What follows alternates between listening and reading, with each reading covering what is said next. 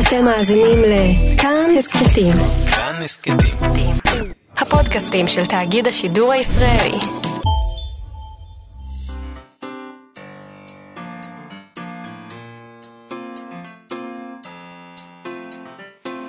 מה שכרוך. עם יובל אביבי ומה יעשה לה.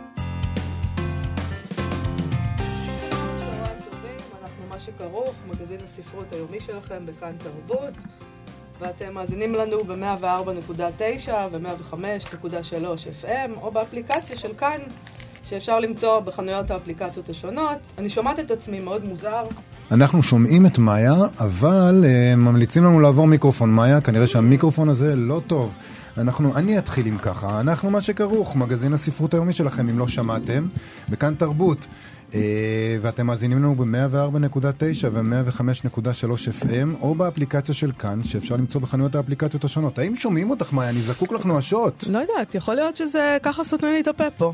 עכשיו מסמנים לנו וי מאחורי יכול החלון. להיות שצריך היה לבדוק את זה קודם. יכול מה להיות. אתה אומר? אוקיי. אנחנו קצת uh, במצב אחר אז איתנו היום. באולפן היום איתי סופרין ומיכאל אולשוונג, שלום לכם ושלום לך יובל, תודה רבה לך שהושעת אותי אני הבוקר. תמיד uh, לשירותך. אנחנו פותחים את השידור עם הידיעה על כך שהלילה המשורר, חתן פרס ישראל לשירה, טוביה ריבנר, נפטר בגיל 95.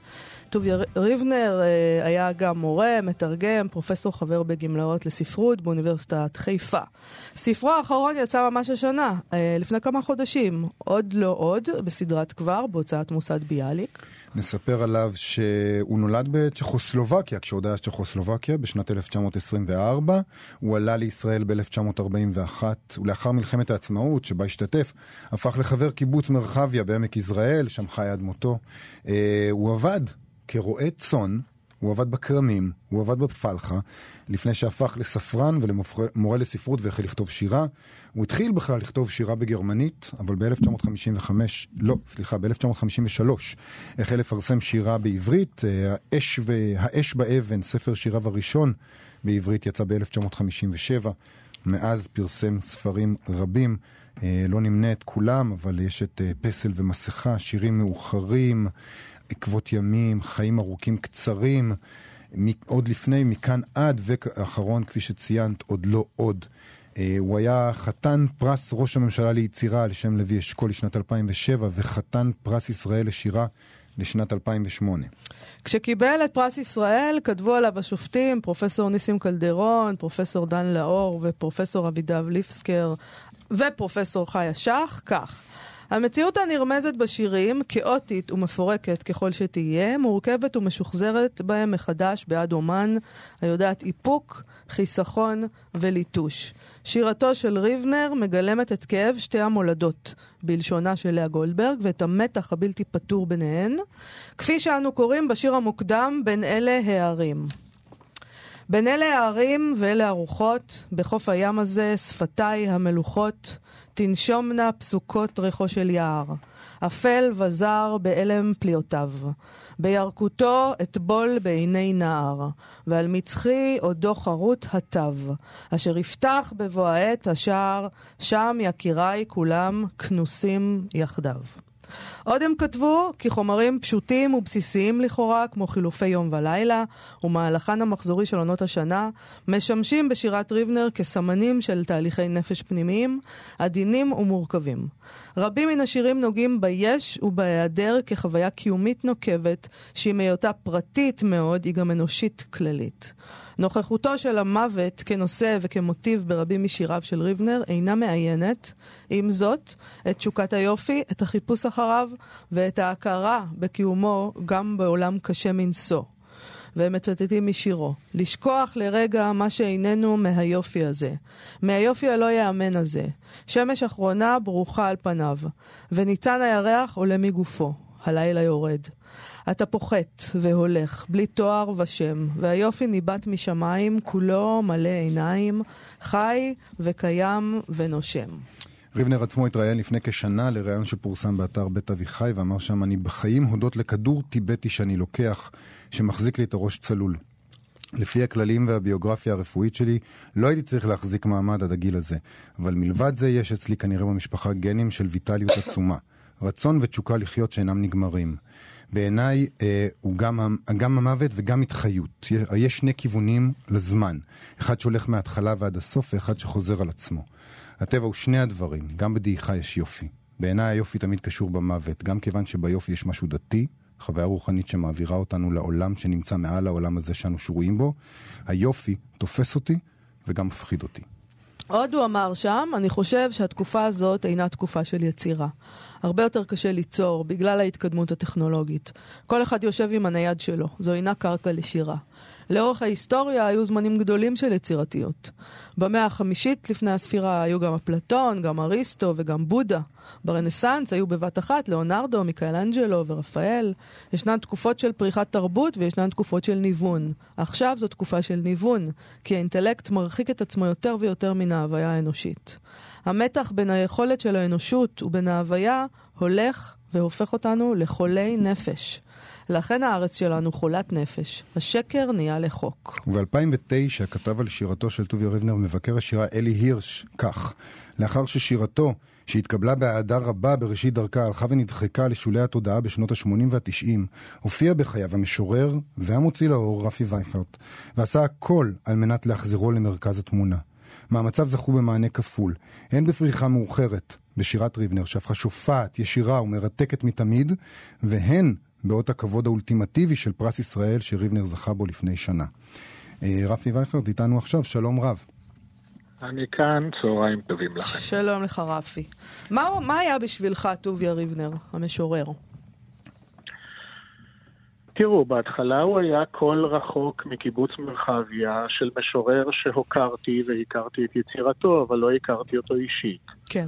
אה, מסוף שנות התשעים, מהרגע שחברנו והתחלתי להוציא את ספריו ביחד עם אה, חבריי מהוצאת קשב, משה דור וגיורא לשם. אה, הוא הפך להיות חבר, מורה דרך, מנטור, אדם שאני מגיע אליו מדי סוף שבוע, יושב, משוחח איתו על אומנות, על שירה, על הפוליטיקה של המקום הכאוב הזה, על חייו, בכל הנושאים האפשריים. איך אה, היית, אנחנו קראנו אצל מה שאמר אה, אלי הירש, שהייתה איזו התפתחות מאוחרת בשירה שלו. ושאתה היית... גאלת אותו גם מה, מה, מה, משולי התודעה. אז. יש לזה, אני חושב, שני שלבים. ההתפתחות המאוחרת החלה בספר מופתי בשם פסל ומסכה, שראה אור בהוצאת הקיבוץ המאוחד ב-1982. והחל בעצם את כל הספרים הבאים אחריו, אה, היה שינוי שם במבנים, בפרוזודיה, בתמטיקה, ספר מאוד בשל, אה, וזה לא חזון נפרץ שמשורר אה, מגיל 60 עד גיל 95 יוצר את מיטבו ואת מירבו. Mm-hmm. מאוחר יותר, אני פשוט ראיתי שהוא סיים בספר ואל מקומו שואב, זה המבחר גדול שראו בספריית הפועלים, ופה ושם יצאו שירים, אבל לא יצאו ספרים. ובאמת דיברנו, והוא כבר החליט בגיל 74 שהוא פורש מן השירה, שיושב לו בקיבוץ אה, מרחביה ויעסוק בענייניו שלו. אבל אני ראיתי שירה גדולה וראיתי עוצמות. זה לא היה משורר בדעיכה, זה היה משורר על סף פריחה מאוחרת, כמו שאחד מספריו נקרא יופי מאוחר. כן. אה, וממש התחלתי לדובב אותו במובן הזה, לכתוב, ולפעמים אני מוכרח לומר לכם שאדם אחד ביקום כולו שמקשיב לאדם אחר, יכול להציל אותו. כל הדברים הללו אולי היו נכתבים ואולי היו נשארים אה, מתחת לאורו ובמוחו. אבל ברגע שהחל הדיאלוג הזה והוא ידע שהוא כותב שיר והוא יכול לשלוח אותו בפקס ולימים הוא יכול לשלוח אותו במייל ויש מי שיקרא ויגיב, אז הוא כתב. והוא כתב המון, הוא כתב מאות רבות של שירים, מהם הטובים ביותר שלו והטובים ביותר של השירה העברית בתקופה הזאת. שזה באמת מדהים בגיל כזה, כי זה בדרך כלל לא קורה ככה. נכון, היו עוד שניים כאלה שאפשר לציין, כמובן חיים גורי, שהיה מבוגר מטוביה בחודשים אחדים, ואבות ישורון, שניים שזכו לפריחה מאוחרת, ואני חושב יצירתם הלכה והשביחה עם השנים. אתה חוש... אני מבין מהדברים שלך בעצם, בין השורות אני קורא שיש המון המון חומר שלא קראנו עדיין, שהוא כתב ולא התפרסם. אז, אז תראה, הוא תמיד אמר, השירים הבאים, הספר הראשון שהוצאתי לו ב-99, הוא רצה לקרוא לו שירים אחרונים. אמרתי לו, טובי, השירים האחרונים על גופתי המתה, השירים האחרונים מהספר של, של דן פגיס אחרי שהוא הלך לעולמו, כן, כן. ערכו ספר בשם שירים אחרונים. אז הוא אמר, בסדר, אז התחלנו מאוחרים, ויופי מאוחר, וכל מיני וריאציות. וגם כשהוא הוציא את אחרונים, אני הוצאתי לו את אחרונים ב-2011-2012, זה שירים מהשנים האלה, אז הוא עוד הוסיף לו אותי אצל ליאת קפלן וגדעון טיקוצקי ואני הוצאנו לו מבחר שירים בהוצאת הקיבוץ המאוחד, ועד ימיו האחרונים הוא כתב, הוא כתב, הוא שפע. לפני כחודש וחצי עשינו לו ערב מחווה גדול, באירוע מחווה בקרון הספרים בקריית טבעון. באו המון אנשים. הייתה איזו תחושה שבאים בעצם להיפרד מהמאסטר הגדול, אה, ואכן כך היה, זה היה האירוע המשמעותי האחרון בחייו. אנחנו נזכה לקרוא את הדברים שהוא כתב לדעתך? יש כבר, אה, מן הסתם, אה, יוציאו את הדברים האלה? אה, הספר האחרון שליאת קפלן הוציאה יצא לא מזמן. נכון. אה, היו עוד שני שירים שהוא קרא באוזני גדעון טיקוצקי ובאוזניי כשבאנו אליו למרחב. הוא אומר, אני נורא מצטער שהספר ירד לדפוס לפני שהכנסתי אותם, אבל אני יודע שכשגדעון ואני שמנו פעמנו לתל אביב, הוא כבר כתב עוד שלושה. זאת אומרת, זה, זה היה המהלך, הוא שפע, הוא זרם. הוא היה, כמו שאמרתם בפתיח מקודם, הוא אכן עסק במוות, אבל הוא היה מצויד באנרגיות חיים ובהערצת היופי ובהערצת האומנות. ונכון שהגלולה הטיבטית והכדור הטיבטי וכולי, אבל הגלולה האמיתית הייתה האומנות והשירה. זאת התרופה הטובה ביותר, היא נתנה לו אריכות ימים, היא נתנה לו תעצומות, והיא באמת הביאה אותו למקומות חדשים בתוך הנפש ובתוך השפה העברית. אני רוצה לשאול אותך על מצב הרוח שלו, כי בריאיון הזה שקראנו קצת מתוכו, שהוא נתן לבית אביחי לפני שנה, משהו כזה, כן. הוא, הוא נשמע גם די מדוכדך, הוא מדבר על זה שאנחנו חולי נפש, הארץ שלנו חולת נפש, השקר נהיה לחוק. זה נכון, הוא הוציא בשעתו ספר בהוצאת צבעונים שנקרא חרוזי ילדים קלוקלים, שהיה ספר מאוד פוליטי וספר על ההתפרקות של המדינה מכל ערכיה. הוא מאוד כאב את זה. הוא הגיע ב-1941 מאירופה, מברטיסלבה, לארץ אחרת. עוד לא הייתה מדינה, אבל הייתה ארץ אחרת. היו ערכים אחרים, וההתיישבות העובדת, והקיבוץ, והשותפות, והרעות, כל הדברים הללו. והוא ראה עם השנים איך הדבר הזה הולך לאיבוד. כן. לא רק בעידן הטכנולוגי, בכלל האלימות והגסות וה... ושרירות הלב והפוליטיקה, וזה כאב לו. כמו שחיים גורי נהג לומר כששאלו אותו מה כואב לך, הוא אומר ארץ ישראל. Mm-hmm. גם טוביה כאבה לו ארץ ישראל עד הרגעים האחרונים. ציינת את האירוע בקריית uh, טבעון. ואת התחושה שבאמת באים להיפרד מהמאסטר, ואחד הדברים שאנחנו חווינו, הייתה לו מין עדנה כזאת ששמנו אליה לב בשנים האחרונות, שהרבה מאוד משוררים צעירים עלו אליו לרגל, נכון. דיברו איתו, הוא, הוא כמובן שמח מאוד מהמפגשים האלה, וראו הרבה דברים כאלה. הרבה אנשים דיברו על מפגשים איתו ועל כמה הוא השפיע עליהם. מה היה בו לדעתך, מעבר לתשוקת החיים הזאת, שגרם לצעירים רבים כל כך, למשוררים צעירים רבים כל כך, להסתכל אליו כך? אז קודם כל הייתה בו, כלפי הצעירים, סקרנות ספרותית. הוא עקב אחר דברים שמתפרסמים בעיתונות, בכתבי עת, הוא לא פעם ביקש שאני אביא לו ספרים של המשוררים הכי צעירים בשנות ה-20 וה-30 לחייהם. הוא בלע את הדברים. כשזה היה גרוע, אז היו לו דברי ביקורת, וכשזה היה טוב, הוא מאוד הסתקרן ועקב אחריהם, ואהב את יצירתם, ולא פעם התכתב איתם במייל, והם באמת לימים באו אליו לרגל. גם היו מפגשים בפסטיבל מטולה, והיו מפגשים בפסטיבל ימי שירה במדבר בשדה בוקר, וכל עוד הוא יכול היה, הוא נסע למקומות הללו, ובבית הקונפדרציה בירושלים, והיה במקומות שונים בארץ, ופגש את האנשים.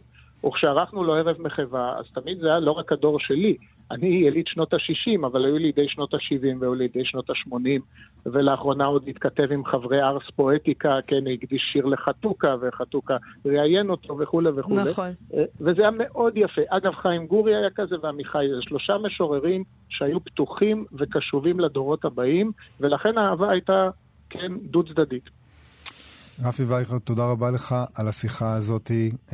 שוב אנחנו אומרים, טוביה ריבנר הלך לעולמו, בן 95. תודה רבה. תודה רבה, רפי וייכר. תודה לכם. להתראות. יובל, אנחנו נשמע עכשיו שיר שנקרא שוב שמש ירוקה. זה שיר שאת הטקסט שלו כתב טוביה ריבנר, הלחין מוני אמריליו, ביצע נתן סלור. זה, זה טקסט שהוא כתב ב-1961 בקיבוץ מרחביה, והולחן ב-1980. אבל הוקלט ב-2005 בהקלטה מיוחדת שבה הקליטו שירים של טוביה ריבנר.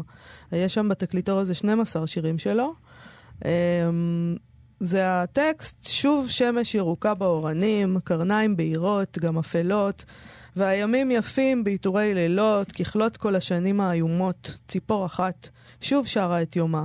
והעננים נושאי גשמם כחלומות, והמתים בתוך האדמה, וירחים קטנים בלב חלל גדול, ובני אדם עוברים מתחום לתחום, שולחים איש אל רעהו את עופות הקול.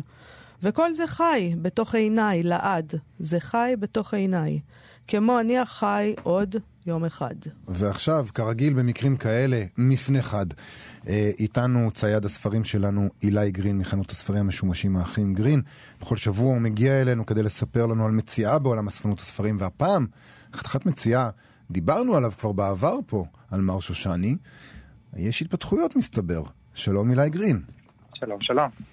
תזכיר אה, לטובת אה, מאזיננו שלא מקפידים לשמוע כל תוכנית ואנחנו ננזוף בהם באופן אישי אחר כך, מי הוא מר שושני ועל מה אנחנו מדברים. אה, כן, אז דיברנו עליו בעבר, הוא דמות מסתורית בהיסטוריה הלא רחוקה של, של התרבות העברית, הוא מורה, רב, שלימד את מנואל לוינס, אלי ויזל ועוד רבים אחרים, שהוא קצת בכל מיני פיסות היסטוריה ש... שלאף אחד אין בעצם עימות עד לאחרונה. והוא הוא, הוא נחשב לגאון, אה, גאון גדול, פילוסוף פנומנלי, משהו, ידיעות מופלגות בקבלה, בתלמוד, אה, במתמטיקה, נכון. בפיזיקה, בפילוסופיה, ידע דברים בעל פה. אתה יודע... כל מי שהכיר אותו אמר שהוא מהאנשים הגאונים ביותר שהוא פגש. יש אה, דיבורים על הרבי מלובביץ' שהתכתב איתו נכון. והעריך אותו, יש דיבורים על, אה, על המון המון רבנים והמון אנשים שאחר כך אה, ממש, כאילו, פשוט אמרו שהוא היה המורה הראשון שלהם והבן אדם הכי חכם שהם פגשו. וגם מין כזה פורש, לא היה בעצם חסר רכוש כזה והסתובב בעולם, פוגשים אותו נכון. בכל מיני מקומות בעולם, פה ושם. נכון, יש עדויות שלו ברחבי אירופה עוד לפני המלחמה, לאחר המלחמה, דרום אמריקה, הוא ממש אה, סוג של אגדה אורבנית. עכשיו, אה, הבנתי גם שקשה מאוד למצוא כתבים שלו בין השאר, כי הוא לא כל כך כתב, הוא האמין שהדברים צריכים להיות זכורים בעל פה ושלא צריך לכתוב אותם. אני לא ידעתי שיש דברים כתובים שלו בכלל עד אה, כאשר מצאו את זה עכשיו. אז מה מצאו עכשיו? אה, זהו, אז עכשיו לאחרונה הייתה מכירה פומבית שהיו שם שש מחברות שמלאות בכתב היד הצפוף שלו. בכל נושא שכנראה עניין אותו, בין אם זה אסטרונומיה, פיזיקה, זואולוגיה, ביולוגיה, היסטוריה, רבנות, יהדות, פשוט הכל היה שם ועדיין לא מפוענח, כי הוא כתב את זה בקצרנות. כן, קשה מחברות... מאוד להבין מה, מה הולך שם. שש מחברות, כן. מה זה אומר? על איזה נפח אנחנו מדברים? מה... הבנתי שיש שם באזור 50 עמודים במחברת. ומבחינת כאילו מי שחוקר את הדברים האלה, הדבר הזה הוא אוצר... בלום. שאי אפשר להעריך אותו בכלל בכסף, נכון. ובכל זאת הצליחו להעריך אותו בכסף. אה, לגמרי זה כוחות השוק, זה מה שהם עושים. אה, אבל יותר מה, מה, אני חושב שיותר מהמידע שנמצא בתוך מחברות זה פשוט הוכחה חוסכת לזה שהבן אדם קיים. נכון. אה, אנשים קנו את זה בגלל שהוא באמת, זה, זה, זה דמות מיתולוגית שסוף סוף יש אישור לקיומה, ואנשים רבו על זה ממש. איך, 아, איך? רגע, אז, אז, אז קודם כל, מי מכר את זה? מי מצא את זה? איך נמצא הדבר הזה, אתה יודע? אני לא יודע, כי לא חשפו איך זה נמצא. זו שאלה שניסיתי במהלך השבוע האחרון, מאז שזה נמכר, להבין בעצם איך יש אישור לזה שה... ואיך אנחנו יודעים שזה מה שזה? שזה אשכרה שלו. נכון. אה, שאלה מצוינת, לא הצלחתי להשיג. אה, פשוט אה, התשובה שקיבלתי זה שמי שקנה את זה יודע מאיפה זה מגיע. אה, אבל אנחנו, אנחנו יודעים מי קנה את זה בסוף? גם לא. אבל אנחנו, אתה יודע... הכל מאוד מסתורי, מר שושני. ואתה יודע שרבו על זה. אתה יודע שכאילו המכירה הפומבית הייתה סוערת. זה נפתח באלף דולר וזה נסגר ב-17 אלף דולר. וואו. כן. וזה גם, זה גם הרבה יותר ממה שציפו לקבל, נכון? והעריכו את זה סביב עשרת אלפים דולר. תשמע... לצורך אני... העניין זה נסגר, מי שקנה את זה שילם על זה 75 אלף שקל. וזה דבר, זה דבר די מדהים, כי, כי קודם כל, אנחנו לא יודעים איך לאמת את זה, ואפשר לדמיין אה, את האפשרות ממש שמישהו יזייף את זה, וזה כל כך יוצא דופן, בן אדם שאין לו כתבים, שזה מה שמאפיין את ההגות שלו, פתאום מישהו מוצא את זה. נכון, אה, גם אני חושב שהמחברות האלו מצליחים לאמת את השם שלו, שזה גם אה, משהו ש... עוד יותר אה, חשוב, כי היה כמה וכמה השערות לגבי השם שלו, וסוף סוף הצליחו לאמת שקוראים לו הלל פרלמן. אוקיי. אז תעלומה אחת נפתרה. זה קצת עצוב, נכון? זה קצת עצוב זה קצת שפתאום עצוב, אנחנו זה יודעים. לגמרי, השם מר שושני בעיניי אה, מותג הרבה יותר חזק. ימשיכו לקרוא לו מר שושני, השאלה היא מה יקרה עם המחברות האלה. כלומר, אה, אוקיי, זה נמצא עכשיו בידיים של מישהו, אבל סליחה, אדוני האלמוני, צריך אנחנו לפענח את זה. מעוניינים אם לקרוא את הספרייה זה. הלאומית קנתה את זה, אה, רגע, זה הספרייה. הלאומית קנתה? אנחנו לא לא, יודעים. לא מגלים, אנחנו לא יודעים, אבל זה מאוד יכול להיות שמי שקנה את זה, זה בעצם... רגע, אתה אה, רוצה להגיד לי. שגם הספרייה הלאומית, כשהיא קונה דברים, היא קונה אותם בעילום שם? עד שהם מפרסמים את זה, כן. אה, אוקיי. כן, כן, אה, הם הרבה- גם סטנפורד זה נגיד כוח קנייה מאוד חזק במכירות הפומביות העולמיות. ארכיון השירה הבינלאומי זה זה משתתף בהמון מכירות פומביות והם לא ישר מפרסמים את זה. יכול להיות שיש כזה, קודם כל יחקרו את זה ואז אז יכול להיות שעכשיו יעברו. איזה עשר שנים של מחקר של הדבר הזה, שבו יפענחו את כל הקצרנות הזאת, ויאמתו את זה, ויעשו פה ויעשו שם, ורק אז אנחנו נחשף לעניין הזה? כן, וגם יכול להיות שאם בן אדם פרטי קנה יש לו לא. עכשיו את הזכות להוציא את כתביו של מר שושני לאור. או לשים את זה בכספת ושלעולם לא נדע מה כתוב שם. יכול להיות שיש לו אינטרס שלא יראו את זה. מה אין האינטרס? לדעת. איזה אינטרס יודע. יכול להיות לו? מה- על מה אתה לא יודע, חושב אולי, שם? אה, אולי, אולי יש שם, אה, אני יודע מה, נגיד אה, מישהו שהיה תלמיד שלו, או בנים של תלמידים שלו, שלא רוצים שיגלו שמר שושני לימד אותם את התורה שלהם. אני לא יודע, אני סתם אה, מעריך, אולי אבל גם אה, יש שם איזו חוכמה מאוד גדולה, שאתה, אם אתה אדם חכם בעצמך, אתה את לא החוכמות. הגדולות אתה שומר שומר לעצמך. לעצמך. פשוט. אתה יודע עכשיו משהו, השאר לא יודעים. או שיש שם משהו כל כך אפל ומסתורי ועל טבעי, שעדיף לא להתעסק. אין לנו בעיה עם זה, רק לנו תראה. עלי, לא ליובל, על יובל אי אפשר לסמוך, אבל תזמן אותי, אני רוצה לראות מה כתוב שם. וואו, אני כל כך הרבה יותר אמין ממך. אין מצב. כל כך לא, כל כך לא. אוקיי. אילי אה, גרין. אילי גרין, זה חדשות אה, משמחות מאוד, והאלמוני שקנה את אה, מר שושני, כתביו, הופע מיד. יאללה. תודה רבה לך. תודה רבה. בכיף. להתראות. אוקיי, אה, במדור הספרות של ידיעות אחרונות שבשבעה לילות מתפרסמת מדי שבוע רשימת רבי המכר של החנויות הפרטיות. דירוג שמבצעת עבורם, כך נכתב שם, מן הצמח והמכון מדגם. שמנו לב בסוף השבוע האחרון שהתווספה קטגוריה חדשה לקטגוריות הרגילות, אתה יודע, יש שם סיפורת, עיון, ילדים, פנאי. קטגוריית שירה, שזה עוד לא ראיתי כזה דבר בארץ, אה, ויש בזה משהו משונה ונפלא, זה פשוט נהדר. אנחנו, אנחנו לא רגילים לראות קטגוריית שירה ברשימת רבי המכר. נכון. אה, נספר מה הם ספרי השירה רבי המכר שנמצא, אה, של השבוע. בראש הרשימה, משמח, פתחתי דלת ועמדת שם, ספר השירה החדש של אהרון שבתאי שיצא מעם עובד. נכון? ראוי. אה, מספר 2, ספר השירה של אה, שיבת הטויו, הבוקר בה תמיד, אה, שתרגם איתן בולוקן מיפנית ויצא בהוצאת לוקוס, גם כן ספר שירה שהיה שאגב, מאוד אה, פופולרי. הוא, הוא כן, הוא גם יצא כבר לפני כמה וכמה וכמה חודשים. נכון. זאת אומרת, הוא, הוא כנראה נמכר מאוד טוב, אם הוא עדיין שם. נכון. יחסית. ו- אה. ימים לבנים של לאה גולדברג שיצא בקיבוץ המאוחד. אני, זה לא רשימה מפתיעה. זאת אומרת, זה ספרים זו שעשו... רשימה מאוד מפתיעה, כן? בוודאי. אה, זה ספרים שעשו רעש. זה ספרים שנמצאו עם... וזה מפתיע שזה... זה מפתיע שאנשים קונים שירה, מה זאת אומרת? זה שיש מפתיע קטגוריה מאוד. כזאת זה מפתיע. אז uh, מאיה בקר, שהיא עורכת מדור הספרות בשבעה לילות, תסבירה לנו את העניין הזה, מה פתאום uh, החליטו שם לעשות את הדבר הזה, למה היא החליטה לעשות את זה. Uh, האמת היא שאני כבר הרבה זמן רוצה להתייחס לספרי שירה, גם בטבלת רבי המכר היא כתבה לנו, אבל זה לא קרה משתי סיבות. קודם כל כי המספרים נורא נמוכים. אם ספר פרוזה מוכר בשבוע כמה עשרות עותקים בחנויות הפרטיות, ברור מה זה אומר על ספרי שירה. נראה לי קצת מגוחך לדווח על ספר שמכר ארבעה עותקים כרב מכר. הסיבה השנייה היא לגמרי פרוזאית. פשוט אין מקום בעמוד. נכון, ולמה היא בכל זאת עשתה את זה? היא אומרת, היא מספרת סיפור שהוא בעיניי פשוט נהדר. לפני שבועיים קיבלנו את רשימת רבי המכר, ובטעות השתרבב להם לקטגוריית הפרוזה, הספר החדש של אהרון שבתאי. פתחתי דלת ועמדת עמדת שם. נדמה לי שהוא היה במקום השביעי או השמיני, ברשימה הרגילה, יובל. אה, נאלצתי להסביר להם שזה לא ספר פרוזה, אלא שירה, ולבקש שיחליפו אותו בספר אחר. אבל נורא התבאסתי שעד שסוף סוף יש ספר שירה שמוכר יחסית יפה, ושיש סביבו איזה דיבור, אי אפשר לתת לזה ביטוי בטבלה. אז פשוט החלטתי, מן החלטה של רגע, שמוסיפים קטגוריית שירה. לא בהכרח באופן קבוע, אני חושבת שזה יהיה ברוטציה עם ספרי פנאי והדרכה, אבל גם אם אנשים יראו מול העיניים פעם בשבועיים שלושה שמות של ספרי שירה, יש לזה ערך.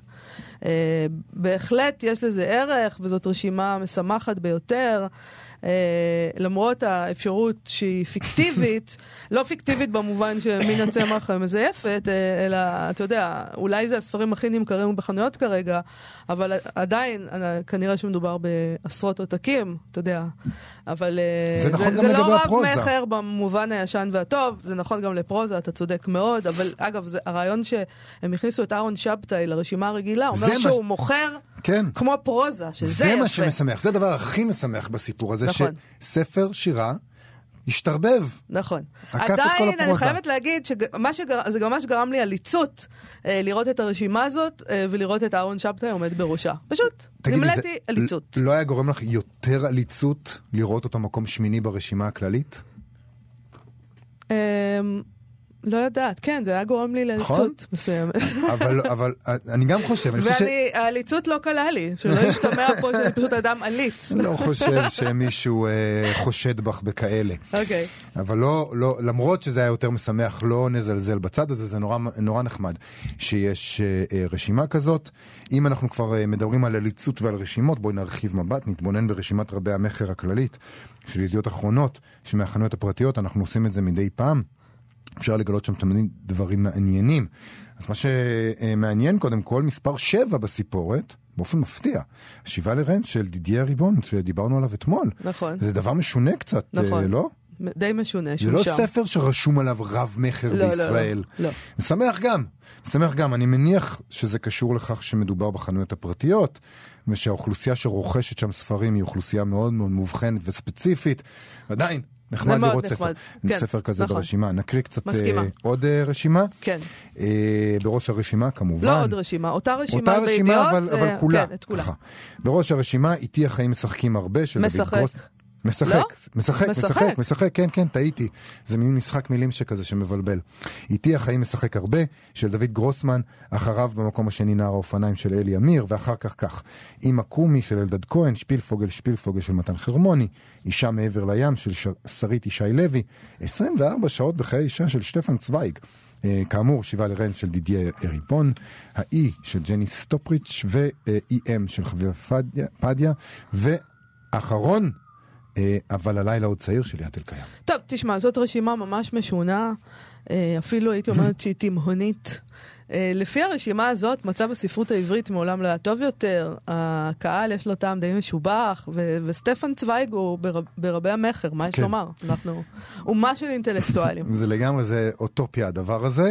אה, יש ברשימת רבי מכר שמפיצה רשת אה, סטימצקי.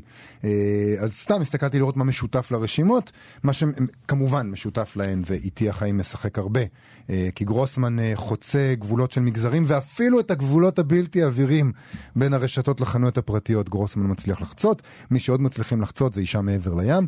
ואימא קומי, שאגב, קראתי עליו ביקורת במושא הספרים של הארץ האחרון. אה, אלדד כהן, כן? כן, של אלדד כהן, כתבו עליו ביקורת בסוף השבוע, שבו הכריזו על אימא קומי כקריאה מייגעת, רומן שכושל גם בניסיונו להוות חלק מהספרות הפופולרית. לפי העובדה שהוא ברשימות רבי המכר, הוא ממש לא כושל כושל. להוות ל- חלק מהספרות הוא הפופולרית. ללא ספק פופולרי. הוא פופולרי בהחלט. כן. אוקיי.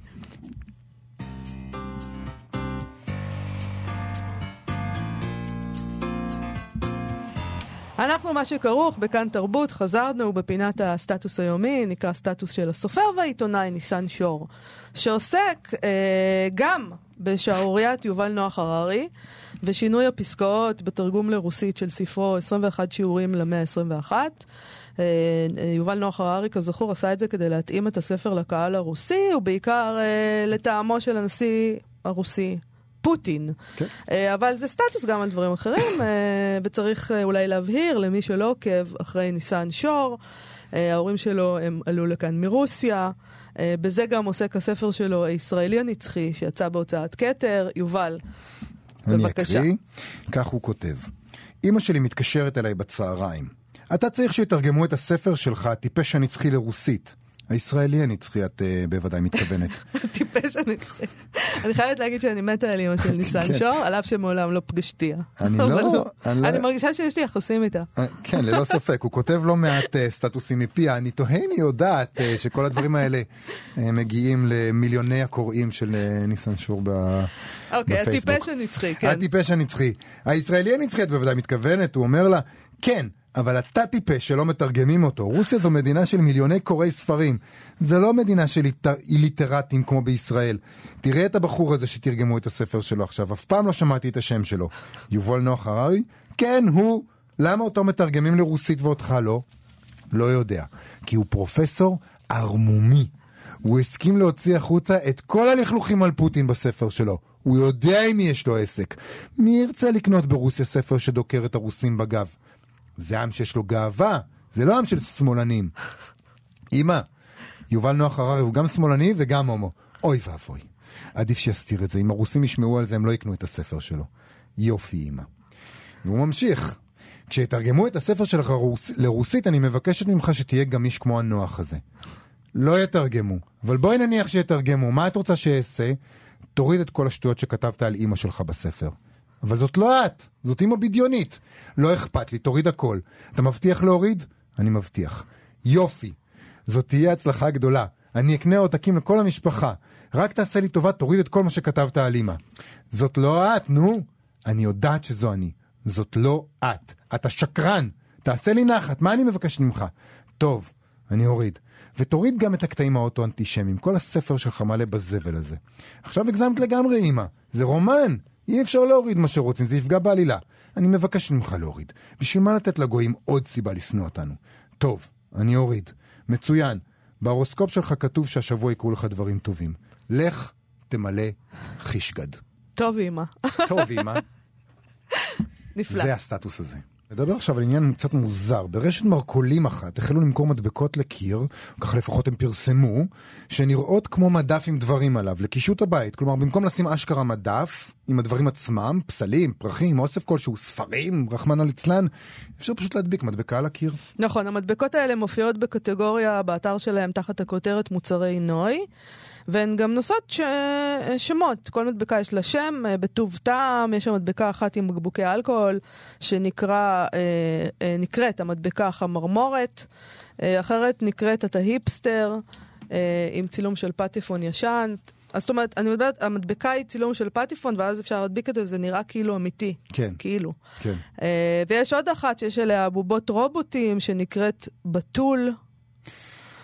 ועוד אחת קלאסית, אה, אני מצטערת, אבל היא- נקראת קקה, עם צילום של גלילי נייר טואלט. פשוט לא, מופת. זה אולי ההומור של הצעירים היום או משהו, היפסטרים, אני לא יודעת. כן. זה לא, זה לא הומור של... היפסטרים לא? יותר מתוחכמים מזה, יכול להיות. בחייך.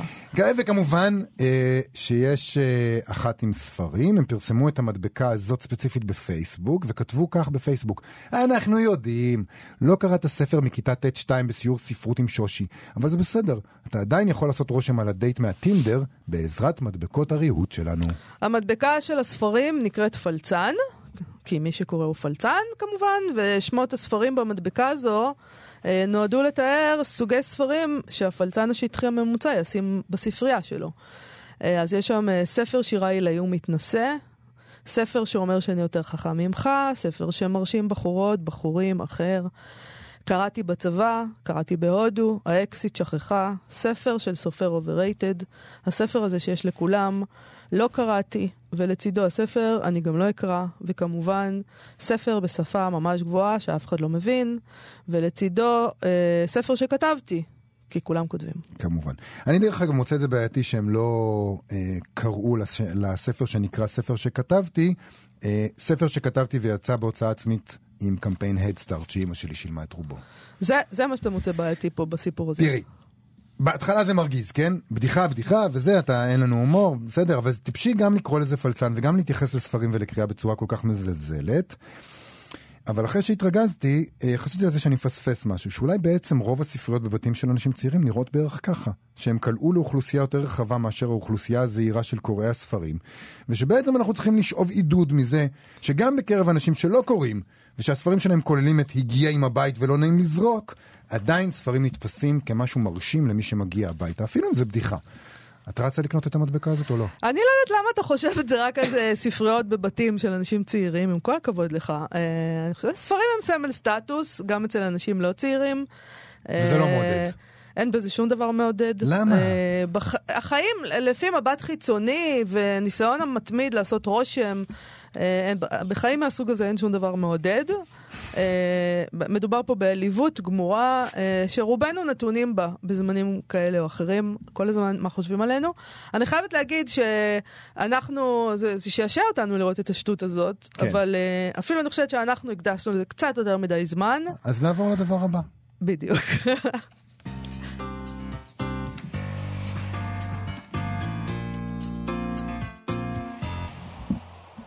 אוקיי, אה, פינת גנזים זה הדבר הבא, נכון? נכון? אה, אנחנו רוצים לחזור היום לספר יוצא דופן שהתפרסם בשנות החמישים.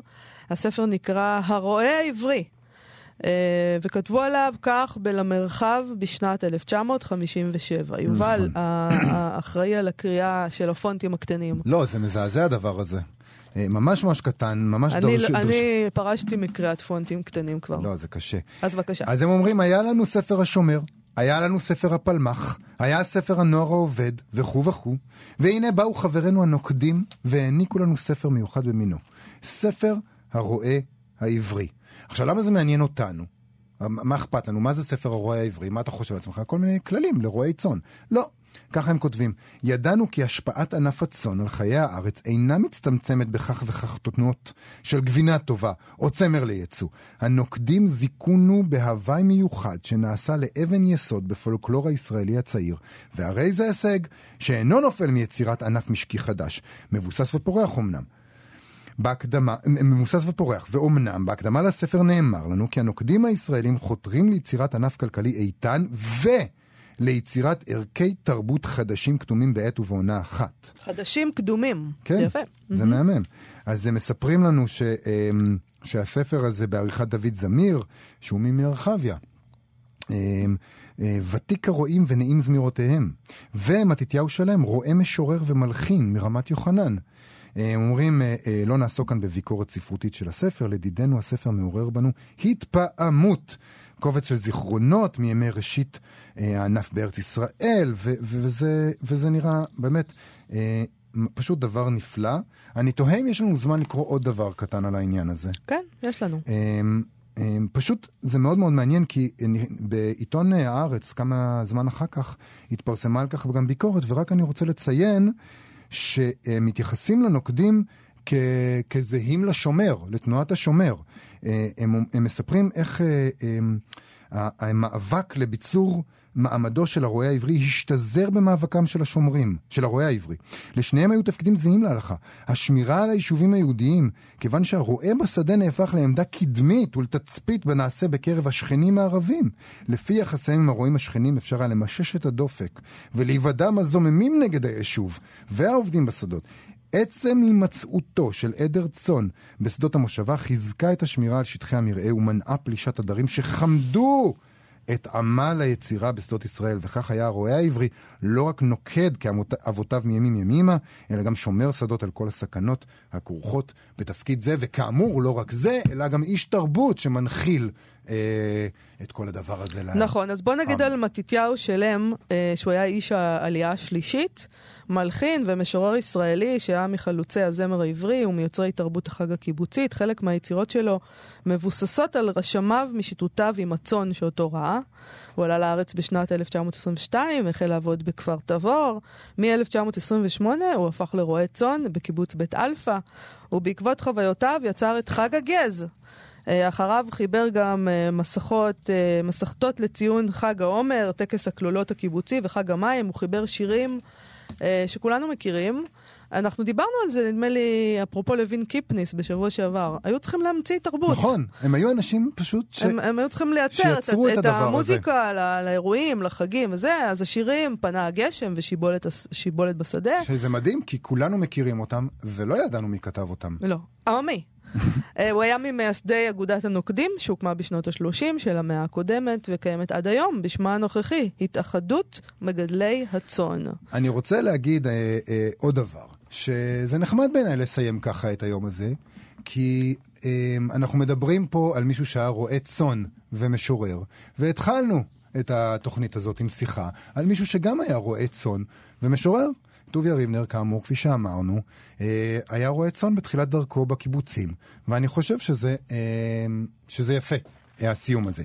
אנחנו נשמע לכבוד שני האנשים האלה, את שיר הגז, שכתב, אה, שכתב מתתיהו שלם. הוא נקרא גם עז וכבש, ואני אקריא כאן את השיר ברשותך. כן. עז וכבש כבר נגזזו, שש העדר שורונה, בעיגול רועים אחזו, ופיהם יפצח רינה. הגדיים בצלילים, הכבשות במצילות, הרועים בחלילים, הרועות במחולות. כל אחי, כל אחי, כה יריע הר וגיא, חורש שדה וניר, פני הצאן קידמו בשיר. סובו נא, סובו נא, סובו במחול.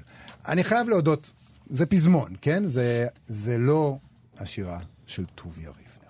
לא, אני, אה, לפני שניפרד, אני רק רוצה לומר שאחרי התוכנית שלנו אה, היום אה, לא תשודר המעבדה.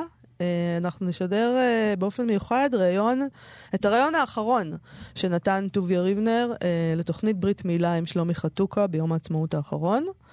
אה, זה רעיון נהדר ושווה, אה, וכפי שרפי וייכרט שהתראיין אצלנו ציין, מערכת היחסים המיוחדת שנרקמה אה, בין טוביה ריבנר לשלומי חתוקה, ושווה נכון. להאזין לזה, אני יודע שזה מה שאני הולך לעשות עכשיו. תודה רבה למיכאל אולשוונג ואיתי סופרין שעשו איתנו את התוכנית היום. אנחנו נהיה פה שוב מחר.